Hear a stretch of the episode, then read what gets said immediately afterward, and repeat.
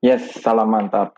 Luar biasa. Oke, buat teman-teman semua, kita lanjut di channel saya Daru Mantap. Hari ini kita membahas terkait menuju absolute financial freedom.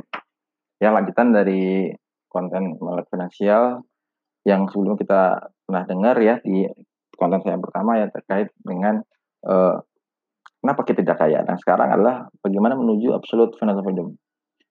Sebelum kita membahas, ya kita sepakat dulu apa sih definisi kaya? Ya, karena kaya itulah relatif. Sebagian orang merasa kaya ketika punya uang 10 juta, sebagian lagi kaya tidak 10 miliar.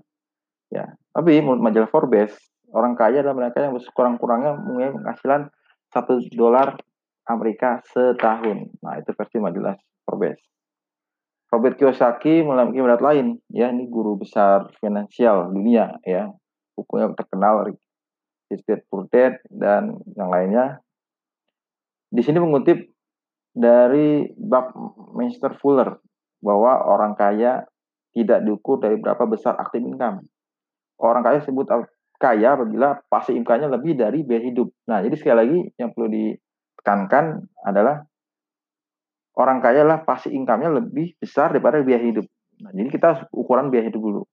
Dan yang pasti income dimaksud adalah uang yang masuk tanpa harus bekerja. Nah, itu pasti income. Jadi kalau kita masih bekerja, nah itu adalah aktif income. Tapi kalau pasti income tidak tidak perlu melakukan apa-apa, ya, hanya di awal saja, tapi uangnya pundi-pundi uangnya masuk. Nah, itulah pasti income. Sebagai ilustrasi yang dikemukakan oleh Mike dia menghasilkan 3 juta dolar ketika bertinju.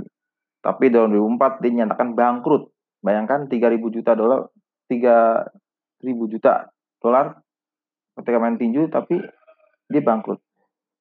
Nah, itu dia. Oke, itu yang kita awali dengan terkait uh, financial freedom. Oke. Kita stop dulu dan kita akan lanjut di podcast berikutnya. Thank you. Selalu terus. Salam mantap.